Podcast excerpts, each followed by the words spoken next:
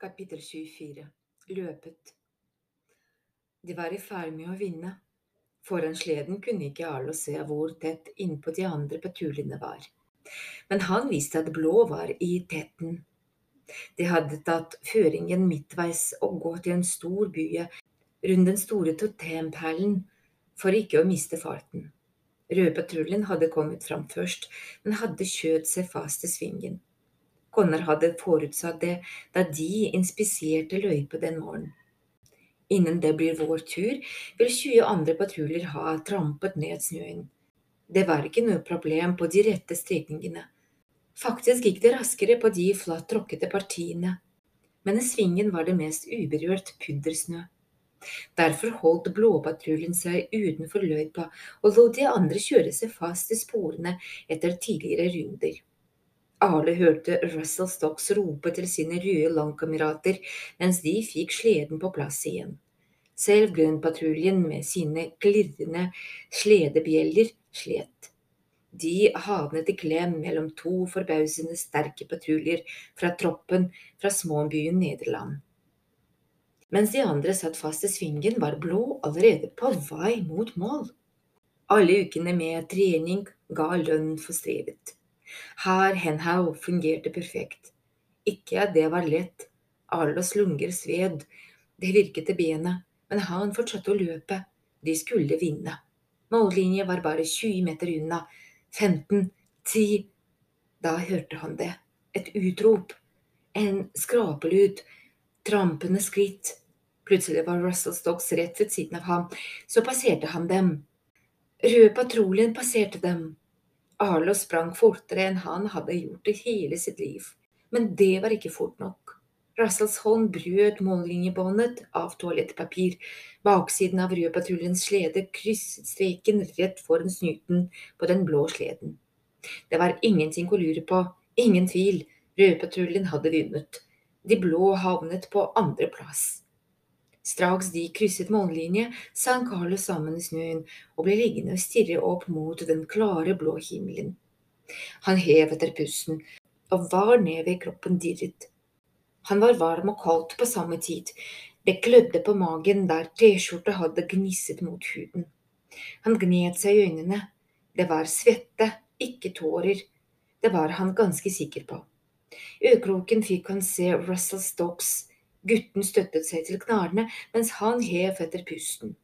Så klasket han hender med lagkameratene. Russell la merke til at Arle fulgte med og formet en T med fingrene mot pannen. Taper. Connor var ikke skuffet.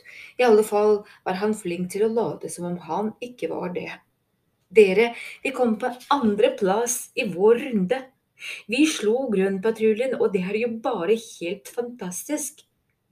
Vi burde ha slått de røde, sa Vu. Vi ledet jo.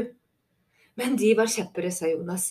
Se på dem, de er idrettsfolk, hele gjengen. Sprintløpere og fotballspillere. Vi kan trene så mye vi bare orker, men de kommer bestandig til å være kjappere. Aldri veien om vi vil kunne slå dem. Du har rett, sa Connor. Vi klarer ikke å løpe fortere enn dem. Men husk, sprinten teller bare ti poeng. Der gjenstår fortsatt alle postene pluss lagånd og sledebedømming. Vi kan ennå vinne. Da må vi gjøre alt helt perfekt, sa Vu. Så la oss gjøre alt helt perfekt, for det kommer ikke de til å gjøre. Tenk på det. Er de noe flinkere enn oss til å slå knuter? Nei. Hva med signalisering? Alle i verden. Jule og Jonas er overlegne der. Connor hadde rett. Tvillingene var skremmende gode til å signalisere. Det var som om de kommuniserte telepatisk. Vi er flinke til å bygge bål. Aldri i verden om de klarer å koke opp vann fortere enn vi kan. Arlo hadde sett Vu gå fra å skrape tennstål mot flint til å ha spakrende il på under ett minutt. Vu visste bestandig når han skulle legge på mer opptenningsved og nøyaktig hvor hardt han skulle blåse. Han påsto at han hadde dragepust. Og ingen er flinkere enn Indre til å lese kart, sa Konor. På et eller annet tidspunkt kommer UV-patruljen til å gå seg vill, det garanterer jeg. Det vil koste dem tid. Vi kan krysse mållinjen først, sa Indra, bare det er nok til å ta igjen de poengene vi har mistet. Folkens, dette klarer vi, sa Kondor. Seriøst, vi kan vinne.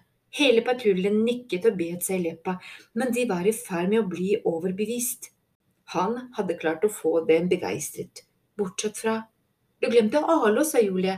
Hva er han flink til? Arlo følte at alle stirret på ham, vurderte ham, prøvde å komme på noe snilt å si. Han hadde bare vært glad til for å bli oversett. Når snart skulle sies, var han ikke spesielt flink til noe. Sportshund, sa Connor. Han er maskoten vår. Han kommer til å vinne dette for oss. Vu dultet ham i skulderen. Arlo smilte. Vi må øve på ropet vårt, sa Connor. Det må være feilfritt. De stilte seg på rekke. Arlo sto ytterst, siden han var minst. Connor ropte én. Tvillingene ropte to. Vu og Indre ropte tre. Arlo ropte fire. Søtter tramper, hender klapper, blåpatruljen er så tapper. Bedre blikk enn noen ørn. Sterkere enn en grizzlybjørn. Både i morgen og i dag er blåpatruljen beste lag. Kapittel 25 Knoter I fjellrennet skulle patruljene settes på prøve i seks grunnleggende friluftsferdigheter som hadde forkortelsen skrift, signalisering, knuter, rekognosering, ild, førstehjelp og teamarbeid. Hver av postene langs konkurranseløypa inneholdt en utfordring innen en av disse ferdighetene. Patruljene kunne trene på forhånd helt generelt, på knuter og førstehjelp f.eks., men de kunne ikke vite nøyaktig hvilken oppgave de fikk før de kom til posten. Først når de meldte seg for postlederen, fikk de vite hva den gikk ut på. På timearbeid i fjor måtte vi bygge en bro over en grøft og få alle over, forklarte Connor. Det ville ha vært lett, bortsett fra at vi fikk for få stokker.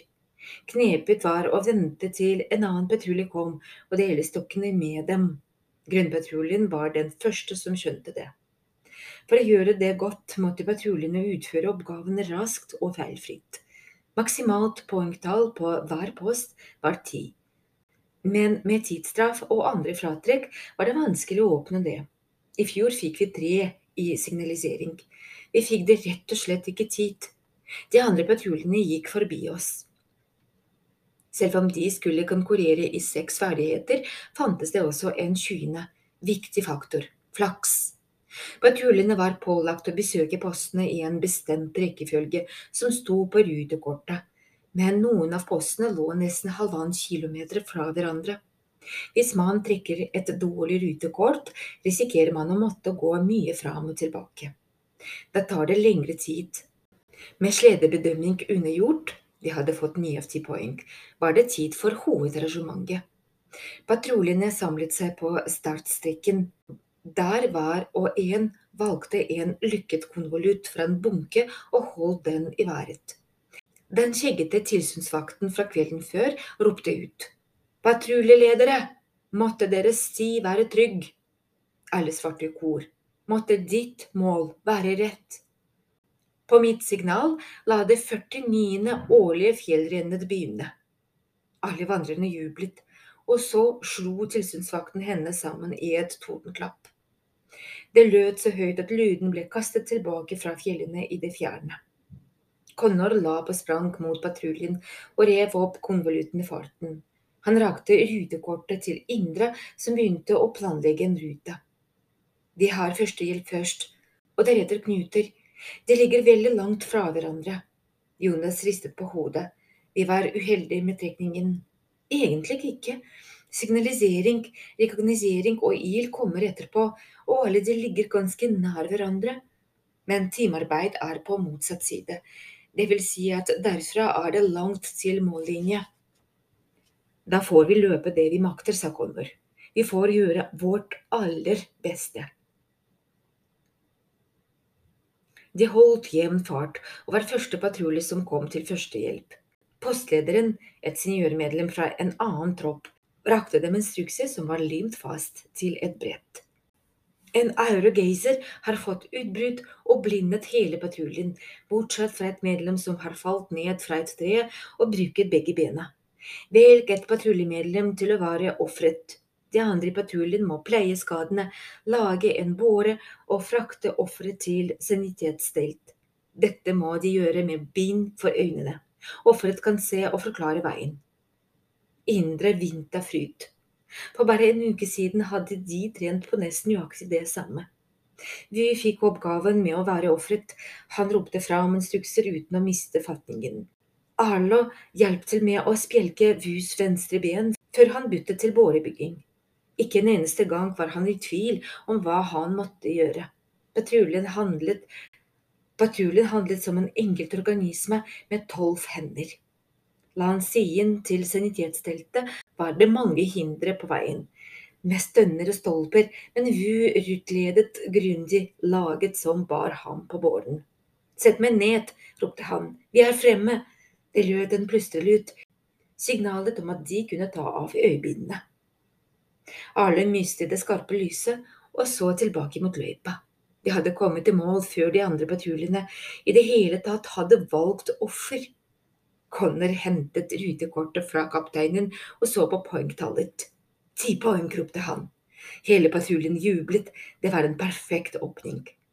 På veien til knuteprøven støttet de på både de røde og de grønne.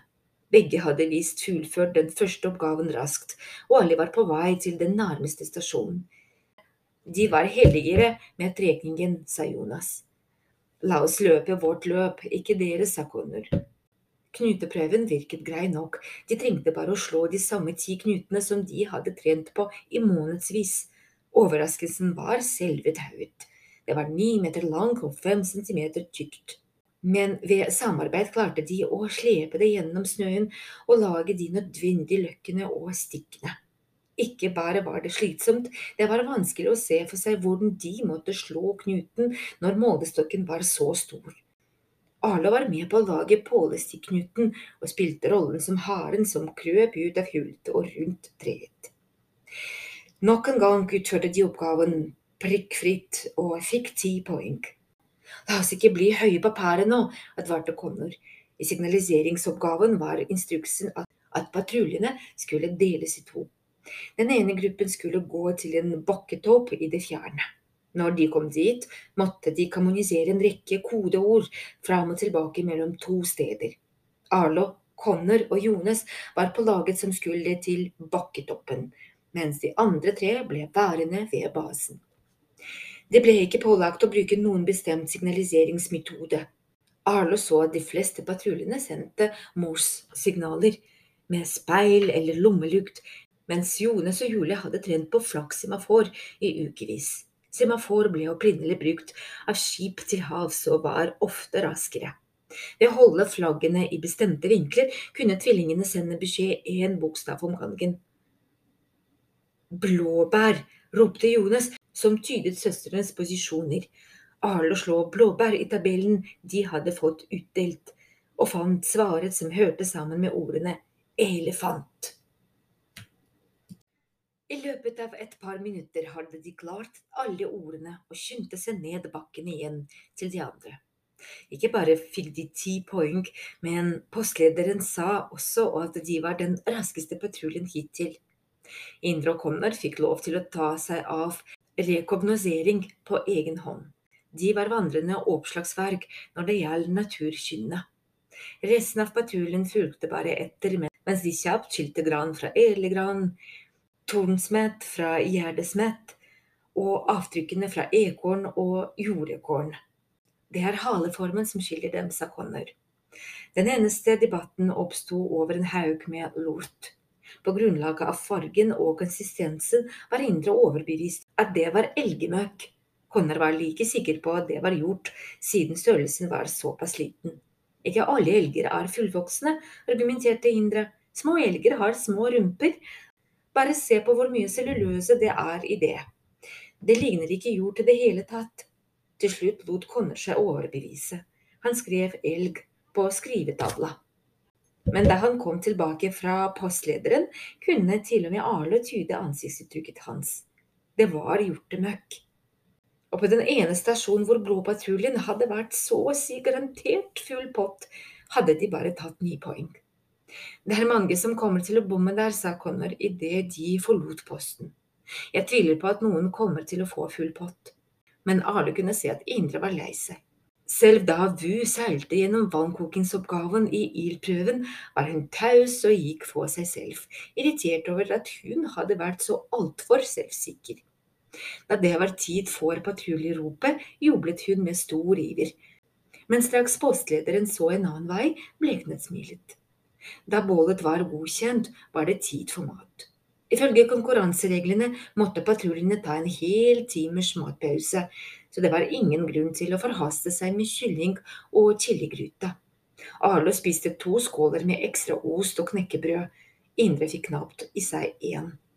Arlo ville gjerne si til henne at alle gjør feil, at patruljen var heldig som hadde henne, at de ikke ville ha vært her om det ikke hadde vært for utholdenheten hennes, men Indre stanset ham før han fikk sagt et ord.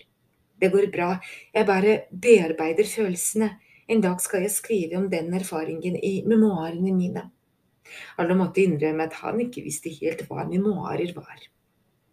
Det er når kjente personer skriver om livet sitt og skildrer all det farlige de har vært gjennom. Det er viktig å ha med nok fæle greier, ellers virker det bare som skryt. Og det er det ingen som liker. Så det at jeg roter det til i dag, kan komme veldig til nytte, for det viser at også jeg er menneskelig. Alle lurte på om det å prøve å virke menneskelig var et tegn på at man ikke var særlig menneskelig. Men det ble ikke tid til å snakke mer om saken. Patruljen måtte pakke sammen, for om fem minutter fikk de lov til å løpe til siste post. Da de kom til teamarbeid, sto tre andre patruljer i kø og ventet på tur. Utfordringen tok visst lang tid, og i løpet av dagen hadde det hopet seg opp med folk ved posten. Vi har stått her i en halv time, sa en patruljeleder fra Canyon City, og vi har fortsatt to poster igjen til denne. Kanskje vi bare må ta straffen og heller ta dem i feil rekkefølge. Hun tenkte praktisk. Klokka var allerede over ett, og patruljene måtte krysse mållinje innen fem. Ellers ble de diskvalifisert. Jeg sa jo at vi var uheldige med trekningen, sa Jonas. Hvis vi hadde fått denne posten først, hadde vi sluppet å måtte vente. Denne gangen klarte ikke Konor å muntre han opp.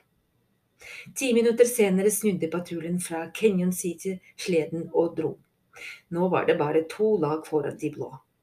For å fordrive tida lagde Arlo en snømann.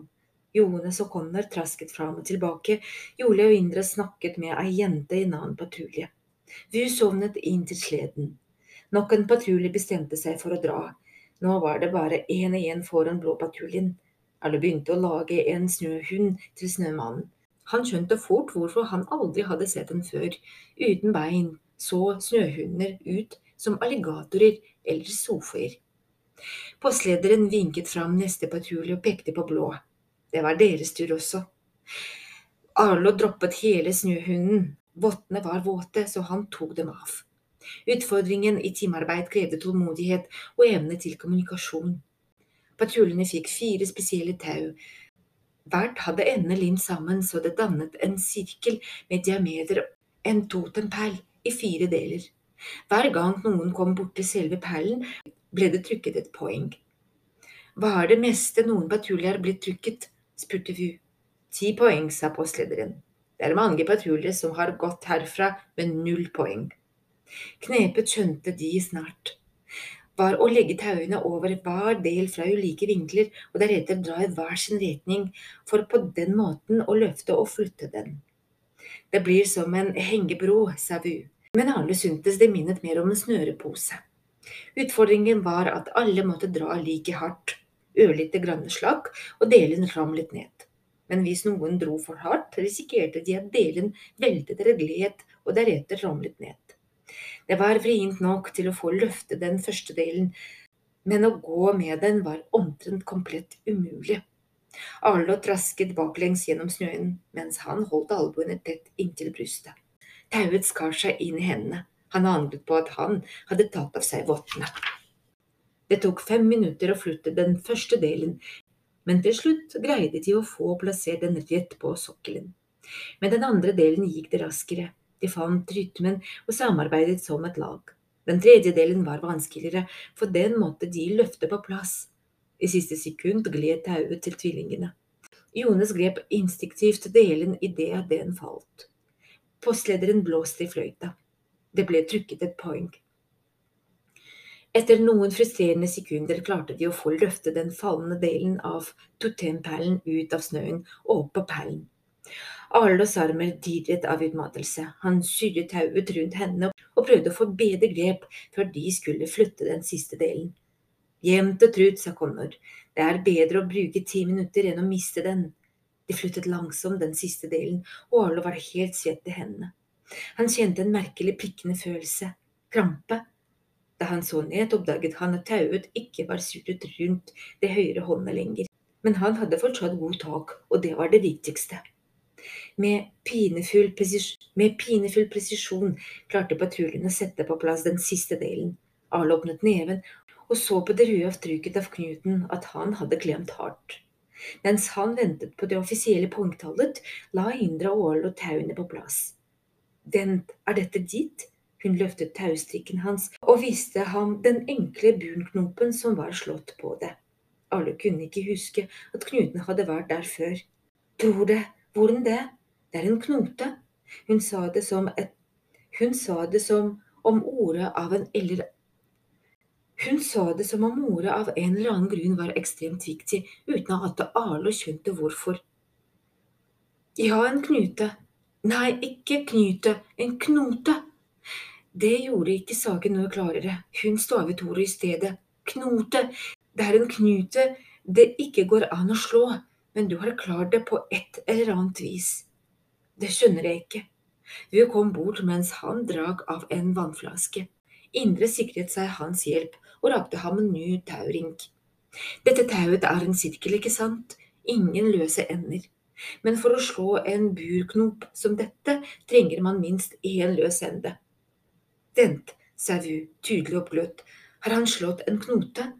En rekkeknote, tror jeg. Hun rakte Vu tauet. Han undersøkte det nøye, som om det var en skjør kunstgjenstand. Det demret for Arlo nå.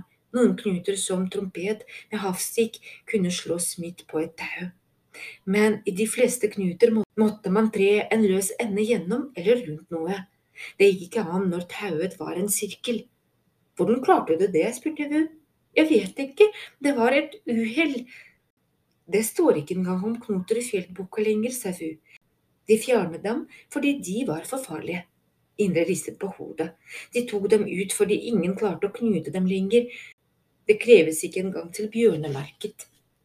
Vu så på Indre. Vi burde løsne den. Hvis noen skal gjøre det, er det han. Det var han som slo den. Vu rakte alle og tauet.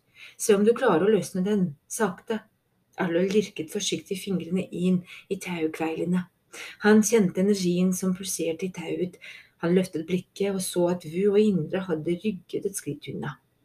Det kommer ikke til å eksplodere, vel? Nei, sa Indre med et aldri så lite spørsmålstegn til slutt. Men etter hva jeg har hørt, er ikke renneknoter stabile, så det går så fint, så, sa Vu, bare ikke forhast deg. Men du må ikke somle heller, den kan gå i oppløsning hvert øyeblikk.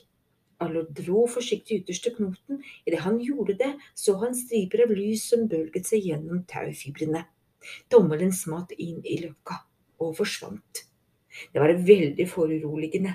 Han kjente at tommelen fortsatt var der. Han kunne røre på den, men ikke se den. Den var usynlig. Han dro ut tommelen, og den kom til syne igjen, uskadd. Så dere det? spurte han. Så hva da? spurte Fu. Plutselig åpnet tauet seg, og knuten løsnet seg selv. Trolldommen som hadde skapt den, var borte nå. Folkens, ropte Connor, kom igjen, han hadde gått tilbake til sleden med et komplett rutekort i hånda. Arlo slapp motvillig tausirkelen og skyndte seg tilbake sammen med Indra og Vu. Vi har offisielt fått ni poeng, sa Connor. Bosslederen sa at bare ett lag klarte ti. Jonas lyste opp. Da kan vi fortsatt slå Rødpatruljen, det er håp. Da Harlo tok vottene på igjen, gned han seg på den røde flekken i håndflaten der knoten hadde gravd seg inn. Det prikket fortsatt. Går det bra, spurte Vu. Fint, sa Arlo. La oss slå Rødpatruljen.